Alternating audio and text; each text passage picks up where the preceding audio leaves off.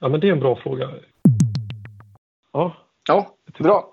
Då kör vi igång. Hej och välkommen till Sveriges mest populära podcast om simning, Snabbbanan. Ola Strömberg heter jag och min gäst idag är ingen mindre än Dennis Fredriksson.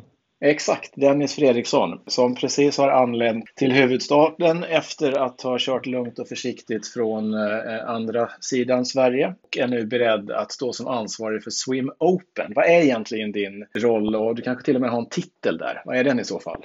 Jag är väl egentligen projektledare om man översätter det på, på svenska då. Så att, eh, men rollen är väl egentligen från ax till limpa, både att bygga arrangemanget, hitta våra sponsorer och partners som vi bygger arrangemanget med, ska man säga, benen som vi står på, både ekonomi och samverkan. Och sen handlar det mycket om att rekrytera simmare runt om i Europa. Så att jag är med, egentligen med från början till första avtalet som jag skriver till själva leveransen då, som, som nu sker den här veckan.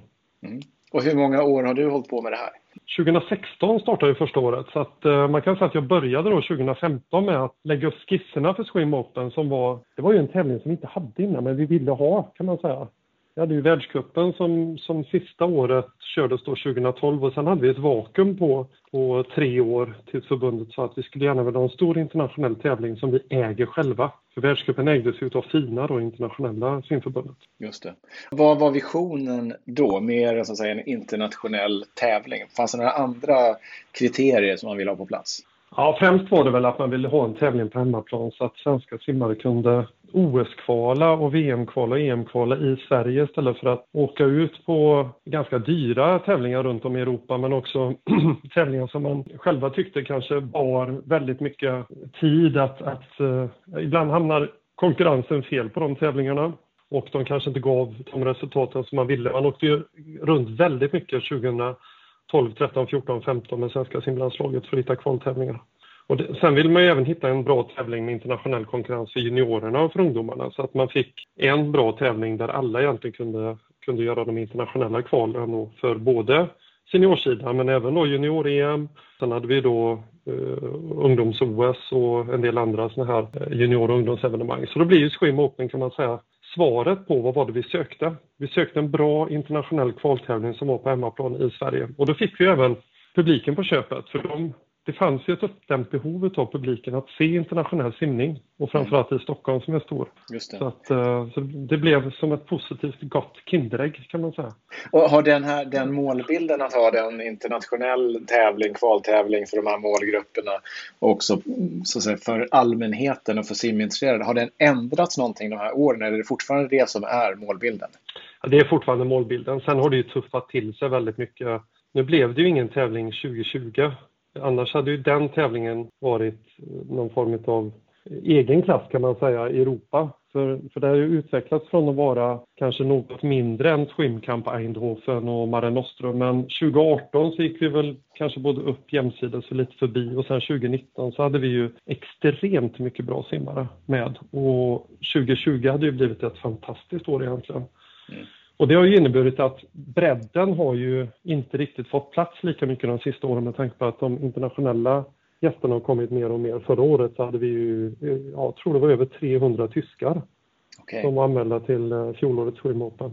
Avvägningen då mellan elit och bredd, hur, hur vill man ha den? Både för så att säga, attraktivitetsmässigt och kanske även pengamässigt. Vad är optimalt? Alltså egentligen blir ju eliten blir ju egentligen det som kanske är mest avgörande. Att, att försöka ha en så spetsig men ändå bred elit som möjligt. Och sen eh, blir ju bredden viktig utav ekonomiska aspekter men ju fler som kommer från internationellt håll, från utlandet, desto bättre blir ekonomin också. För de internationella resenärerna betalar mycket mer än vad de svenska gör. Stora landslag? Stora landslag, mm. ja.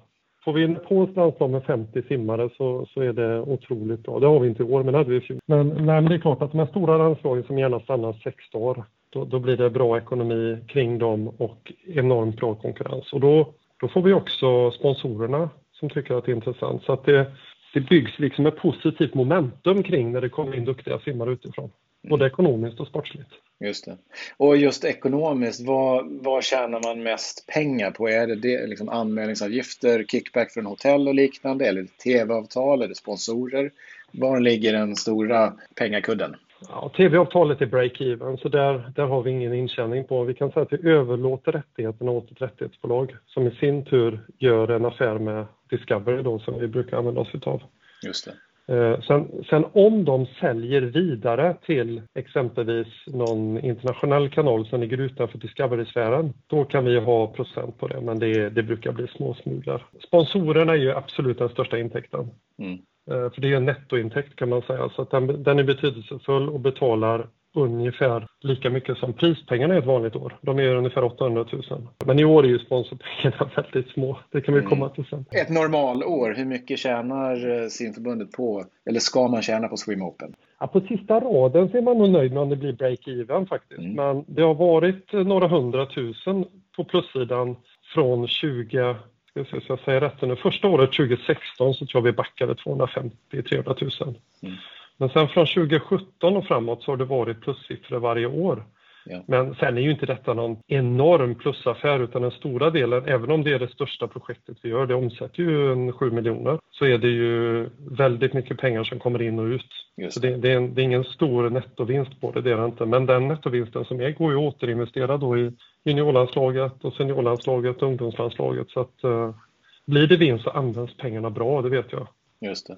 Och just den här att få dit de här stjärnorna, både spetsen och både så att säga landslagsbredden. Vad är nyckeln för att de ska komma hit? Ja, men det är en bra fråga. I vanliga fall så brukar man ju sitta i den här Kina-kalendern och så titta, Kina då internationella simförbundets kalender och så tittar man ju då vilka internationella tävlingar som är ute i Europa. Det gör alla tränare, det gjorde jag också i 30 år. Eh, jag gör så att jag åker ut istället. Jag brukar besöka runt ett 20-30-tal tränare på Mare Nostrum-tävlingarna varje år. Eh, sen åker jag på varje kortbane-EM, varje långbane-EM, eh, kortbane-VM i Kina nu för ett och ett halvt år sedan. Så att jag åker och besöker coacherna på plats. För ska man få de bästa simmarna att komma så vill de oftast ha någon form av startpeng för att komma. Men däremot om man får landslaget så kommer de bästa simmarna gratis. Är det några startpengar, appearance money, som ni betalar? Inte i år. Nej. Och, ett, och, i år för att ni har fått fler landslag eller för att de största stjärnorna som vill ha appearance money inte kommer? Uh, nej, men faktum är att även 2020 så var de nästan noll. Jag tror de var 10 000 kronor. Första året så hade vi väl 200 000 i appearance money 2016. Okay. Och det var ett medvetet val vi gjorde där för att bygga upp tävlingen. Då. Men uh, sen blev ju kravet då för att få appearance money, det var att man var stark och stor på sociala medier, att man ville vara ambassadör för tävlingen och sen från och med 2017 så har det minskat varje år och 2019 så tror jag det var typ 25-30 000 och sen 2020 var det kanske 15 000. Okay. Det är väldigt, väldigt lite. Ibland får några tränare kan få gratis logi, mat och logi för att de tar dit sitt team. Det ja, brukar göra ibland. Ja, jag förstår. När vi byggde upp den här tävlingen från scratch, vilka, du har nämnt några av de här tävlingarna i Mare Nostrum och Eindhoven och liknande. Vilken av dem, eh, konkurrenter slash kollegor i, i event eh, simvärlden är det som ni har sett som det här är en, en bra tävling på många olika sätt? Ja, alla de här kan man säga, tävlingarna som är ute i Europa, de har ju lite, kanske något vassare tävlingsanläggning än vad Eriksdalsbadet eh, är. 50 på Eriksdal är mer av en träningsbassäng än vad det är en eventarena. Så där har vi svårt att konkurrera med exempelvis Eindhoven som har då det här Peter van den Hoogeband Arena som är ja, samma arena de hade EM i 2008. Eh, så, där är det svårt att konkurrera med vissa europeiska arenor men då, då kan man ju titta på vad har vi istället som är som är på plussidan. Och vi har ju Arlanda som har extremt bra flygtrafik ifrån i princip hela världen, men framförallt hela Europa. Så den är en styrka. Och sen närheten mellan simhallen och uh, hotellet som vi jobbar med. Eller båda hotellen egentligen. Mm. Pod podcasten är väldigt kommersiellt öppen, så du kan till och med nämna det vid namn. Okej. Okay. alltså jag jobbar ju med Nordic Choice Hotel, så vi använder Clarion och Quality Globe Hotel då. Eh, ja. Och i år använder vi bara Clarion, men det är utav uh, smittopreventiva anledningar då.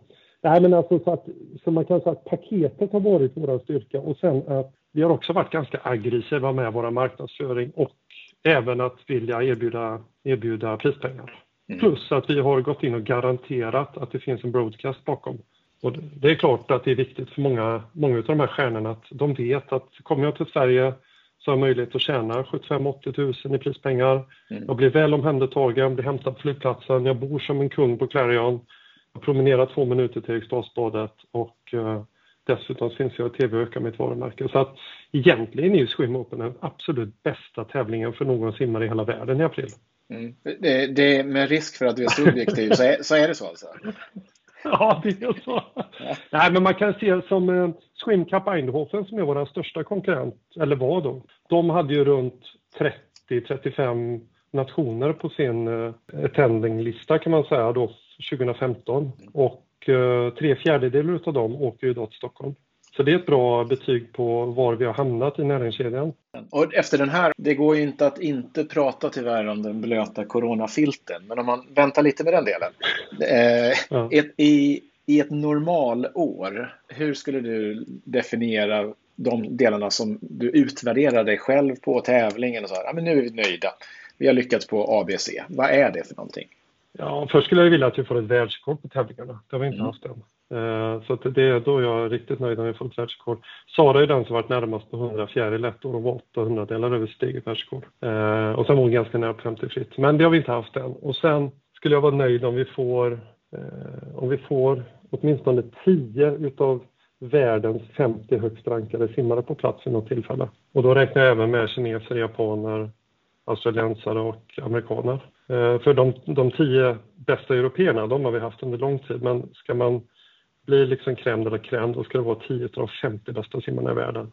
Och då, för då finns det absolut ingen tävling som slår oss eh, på något sätt i så fall om vi skulle komma dit. Men jag tror att det är ganska långt innan vi kommer dit. Amerikanerna är svåra att övertyga också för många av de bästa amerikanerna måste mer eller mindre simma de amerikanska GP-tävlingarna och de som skulle kunna vara intressanta från universiteten, de har precis avslutat sin NCTI-säsong.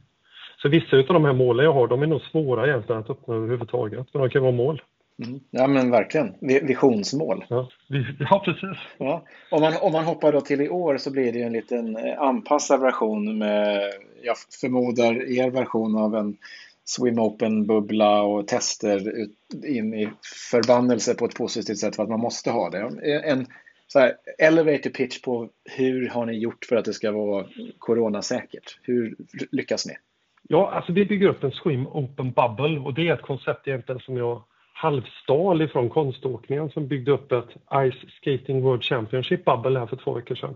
Eh, för konståknings-VM gick på Globen. Så jag ringde upp deras projektledare så pratade jag med Ulrika som hon heter och frågade hur, hur bygger ni? Kan ni ge mig en snabb pitch på fem minuter? Så jag, jag var lite olärd kan man säga. Eh, så beskrev hon då, ja men så här gör vi Dennis. Och så fick jag lite information och pdf ifrån dem och så tänkte jag, här plankar vi det allra bästa vi kan. Och så bygger vi upp likadant. Och så använder vi till och med samma företag. Eh, sen gjorde de 3000 tester bekostade av internationella skatingförbundet. Vi gör knappt 500 tester som vi bekostar själva eller med viss del av klubbarna. Då. Så det är klart att det är en väldig skillnad i ekonomi vad vi har med, med en av de största idrotterna i världen på ett VM och på Swim Open i Stockholm. Men eh, vi, vi gör det på en väldigt bra nivå kan man säga. Mm. Så de bor på, alla kommer i år då bo på eh, Clarion Skanstull. Precis. Och promenera ner till Eriksdalsbadet och sen så hoppas ni att de håller sig där och inte springer över gatan till eh, ringen heter det va? Och hoppar loss. ja. Ja, det, Vad ska ja. man säga? Nej, men alltså det, ja. jag hoppas att man visar den ja. respekten. För vi, vi har inte haft några tävlingar i Sverige och jag, pratade, jag satt och åt middag här nu med några israeler från det israeliska teamet och vi satt just och pratade om detta för de, de hade gått ner till någon butik och köpt någon påse chips eller någonting. Så sa jag det, hoppas ni köpte två kassar. Så tittade de på mig så sa jag att jag vill inte att ni går ut någonting mer och då sa de, nej vi har förstått det och du har munskydd på dig och vi förstår att det är serious här. Och um, jag, förstår, jag hoppas att alla förstår att det är verkligen serious för ska det här funka under fyra fem dagar så måste alla ta det på stort allvar. Eh, med tanke på att det är ju en risk man tar när man kommer hit och det, det börjar vi med att skriva också i inbjudan att ett deltagande på Swim Open sker på egen risk. Mm. För det finns en risk. Framförallt om då inte alla väljer att förhålla sig till de preventive infection measures som vi, som vi liksom, uh, har tagit fram då för alla deltagarna. Så att, men det tror vi de gör. Jag tror att alla är ganska kloka människor. Du vet väl att du simmar snyggast, snabbast och bäst i simkläder från Tyr? Gå in på tyrsverige.se och använd koden Friends of Ola så får du 15% rabatt. Tyrsverige.se, där hittar du allt möjligt om du vill simma snyggare, snabbare och bättre. Ja, nej men verkligen. Och det känns väl också så att i alla fall bland de aktiva att är man, är man, är man lite sjuk så, så, eller har en känsla av det, då, då tävlar man inte. Då har man ändå ingen chans. Alltså, så det, det kan ju vara li, lite självreglerande på så sätt också faktiskt.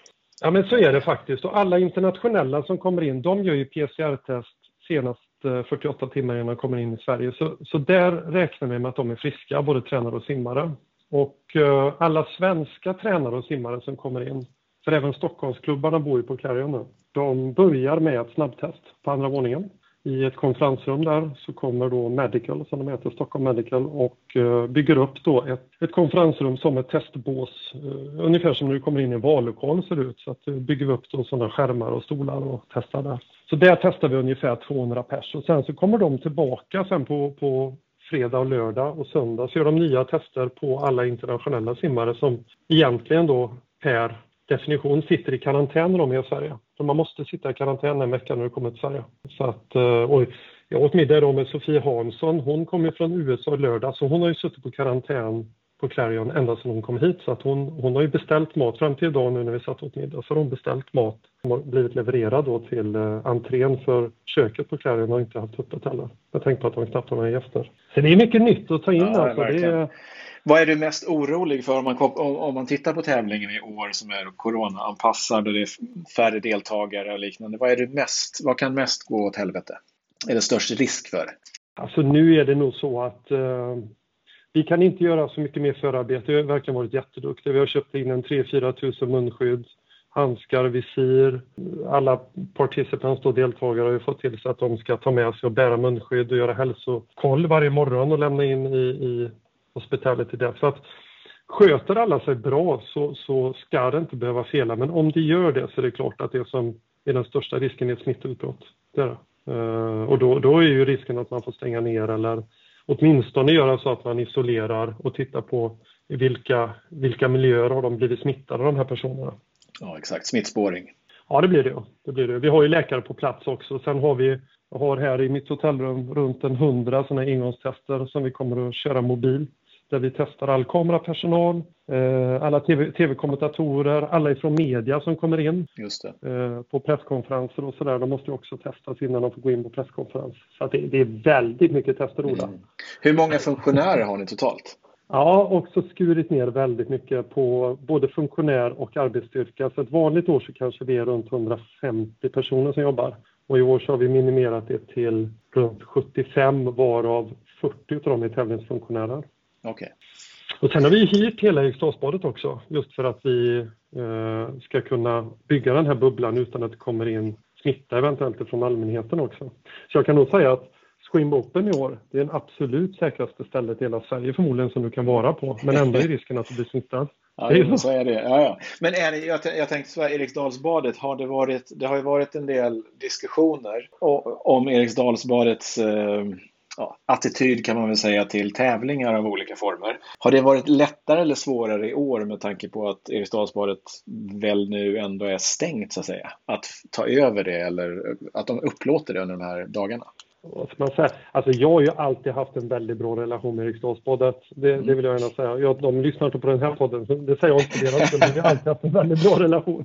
Och ja. även med Stockholms stad. Att, men däremot så har vi inte fått hela simarenan som vi har velat såklart. Nej, nej. Eh, och det, den möjligheten har vi i år då, men mm. det har ju kostat också. Så att vi hyr, eh, att vi hyr hela 25an i år och bara tillåter, tillåter ett litet, litet antal simskoleelever gör ju att uh, hyran ökade med kanske 100 000 ytterligare. Så att det, det, det syns ju på sista raden att man får en exklusivitet att göra.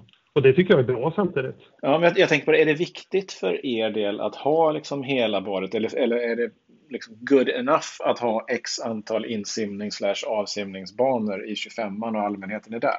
En del tycker att det är jätteviktigt eh, och en del tycker att det kanske inte spelar så jäkla stor roll. Vad tycker du? Alltså jag, tycker, eh, jag tycker det är lite skärmen med Swim också. Även om vi kanske velat ha lite fler banor emellanåt så har det varit mm. lite skärmen att det, var, det har varit lite bråk någon gång och sådär. Det kan jag ju säga då med, med allmänhet. Inte från min sida, men några nationer. Jag vet, ja, det var några landslag som hade lite problem med något år att förhålla sig till vilka platser de skulle ha och sådär. Och då blev det något bråk med allmänheten. Men annars är det skärmen tycker jag att gamle Evert, eh, 81 år, kan komma gående och hoppa i på bana 1 och samtidigt så kommer Danas Rapsis och hoppar i på bana 3. Och så kanske de kikar på varandra lite, ingen vet vad de andra är men Evert kanske är gammal svensk rekordhållare i simhopp. Det har ingen aning om.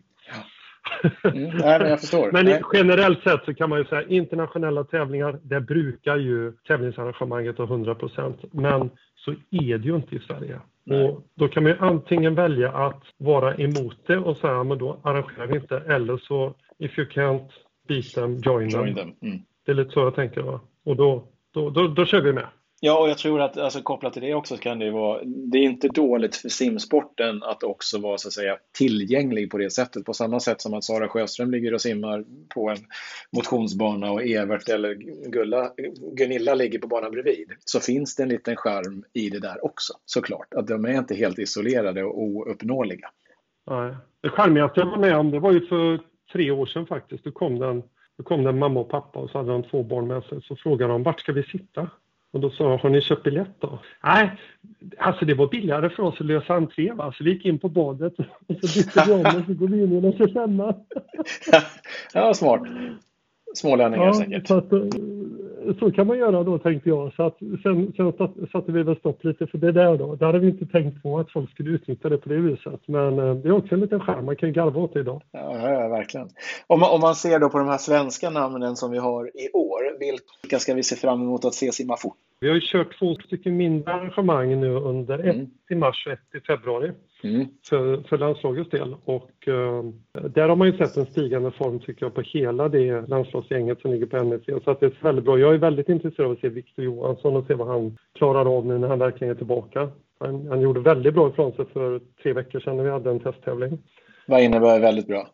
Ja, 8.02 hade han väl på 800, vilket är bra med tanke på att han låg nära döden här för tre månader sedan. Så att han har ju, jag tror säkert att i den konkurrensen som blir så skulle han mycket väl kunna ja, börja komma ner mot de här 7.50 igen som, som eh, egentligen krävs för att vara en internationell toppsimmare på den distansen. Eh, sen tycker jag Louise och Sofie Hansson. Louise gjorde ju 56,9 på 100 fjäril här för två veckor sedan på en tävling i, i Storbritannien. Och Sofie Hansson kom ju med fyra guld ifrån Nancy Trace för två veckor sedan. Så att, eh, de, de är ju stekheta såklart. Mm.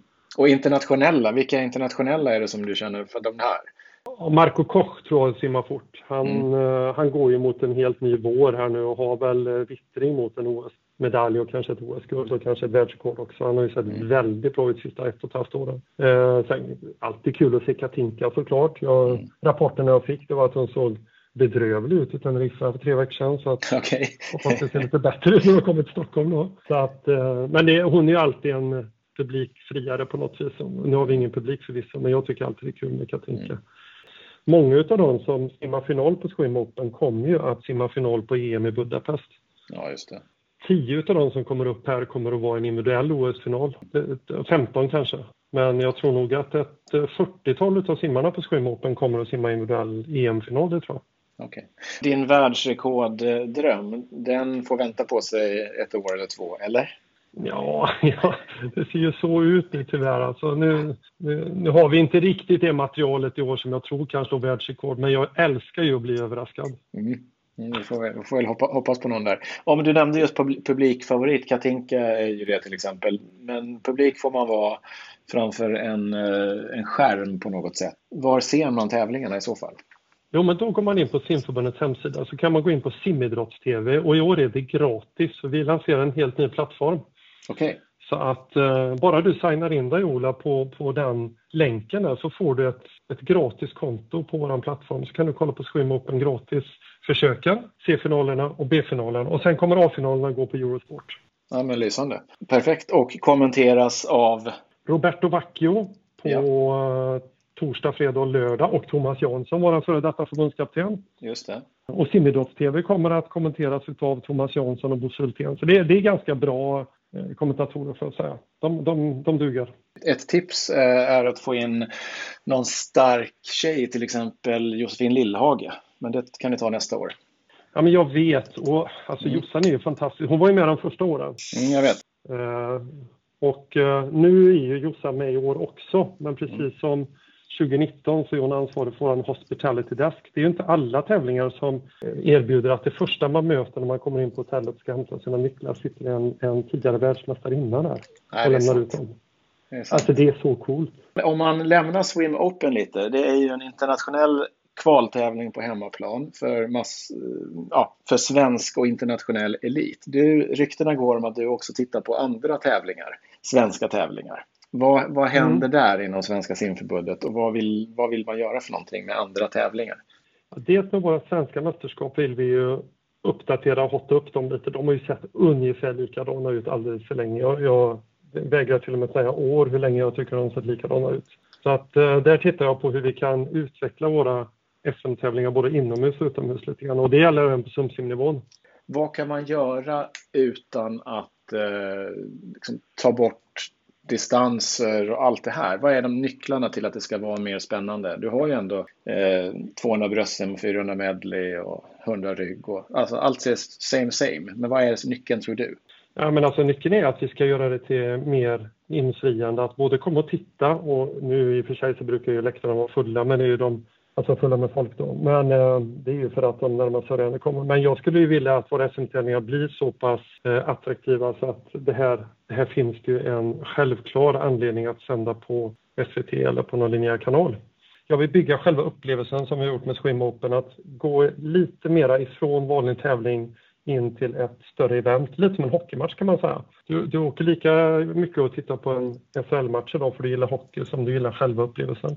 Så vi ska bygga större upplevelser på våra mästerskap. Och sen ska vi ju då rulla ut den nya plattformen för simidrotts-tv i sommar. kommer att bli oerhört bra. Alltså det, det är inte så att jag skräder med orden här utan den kommer att bli en väldigt stor skillnad med jämfört med tidigare. Och vad, som en, som en eh, tittare, publik, vad är största skillnaden? Alltså sitter du hemma i soffan och tittar för du har inte kanske tid att åka på ett sim då kan du gå in och titta på en högupplöst jättebra sändning där du även kan eh, gå tillbaka och köra repriser på ett lopp eller på grejer som du vill under själva sändningen. Och det är lite småunikt. Det, det är en funktion som kostar ganska mycket. Du kanske, ja, du vill se dig själv en gång till Ola, om du nu har Gärna. suttit. Ja, och sen eh, om det är på plats, då ska du känna shit, det här var så bra så att här ska jag gärna betala dubbla för att få se nästa år igen. Uh, för jag tror ju att kan vi utveckla SM-tävlingarna kommer det in mer pengar både för lokala arrangören och vi höjer värdet utav svensk simidrott och gör den mer attraktiv både för sponsorer och media att synas. Mm. Att jag tror ju väldigt mycket att vi måste utveckla oss överhuvudtaget för att nå de större pengarna på partnersidan och ekonomisidan som, som vi idag inte riktigt får del utav tycker jag i svensk simning. Nu till en lite annorlunda fråga. Tror du på ISL-konceptet? Nej, jag gör inte det. För jag, jag, tycker ju det är ett jättebra koncept i grunden, men de är ju så bedrövligt dåliga på att sälja det. Mm. Faktiskt. Mm. Eh, jag tycker ju själv om konceptet med lag som tävlar mot varandra. Mm. Och det här med städer eller teams. Alltså jag, jag, gillar hela tanken. Jag tycker också att man går ut och gör en, en fräsch konkurrens mot världskuppen som jag tycker är bedrövligt dålig och har varit egentligen i många år. Eh, men de är ju extremt dåliga på att sälja ISL som, vad ska man säga, som en produkt som har ett ekonomiskt värde. Och varför det så, det vet jag inte.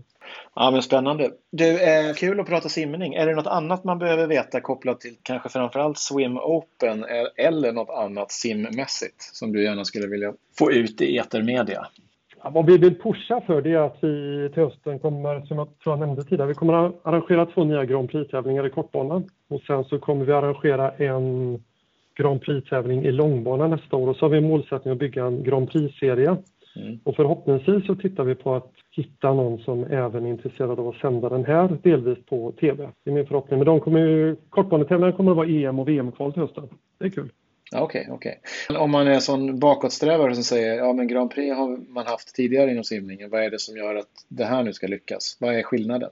Ja, skillnaden är nog att det kommer bli tuffare konkurrens tror jag i år, speciellt om corona eh, släpper. För eh, min roll i detta det är väl att jag kommer att försöka få hit en del landslag ifrån andra länder då så att vi kanske får in både norska, danska och finska landslaget och kanske en del tyskar och lite, lite annat som kommer in och kryddar upp våra Grand Prix. Så att okay. det, blir, det blir tuffare och då kommer ju svenska klubbarna som vanligt att säga Åh, det är lite sämre nu för nu kommer inte vi med här. Men det är precis mm. den kommentaren jag vill ha att svenska klubbar förstår att det är, det är tufft utanför landets gränser. För idag kan man ju bli världskänd bara man bor i Uddevalla. Det vill säga, vinner du klubbmästerskap i Uddevalla idag så, så är du jättestor. Men då, kan, då kan det vara good enough en... för den personen liksom. ja, och det är väl kanske det jag inte vill, att vi ska vara good enough bara för man vinner, vinner ett, eh, en SM-brons eller tar sig en SM-final. Då ser man ju fortfarande bara en i mängden. Utan ska vi få ett landslag som sticker ut i framtiden då, då måste vi vara på internationella arenan och även göra våra event på hemmaplan.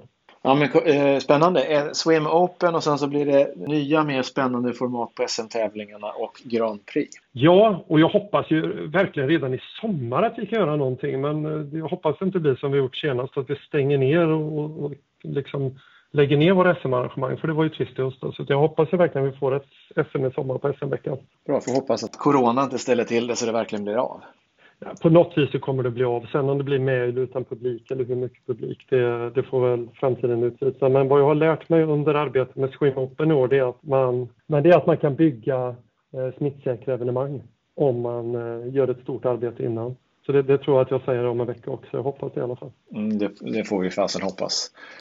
Ja, även bra, bra Dennis. Skitkul. Tack så jättemycket.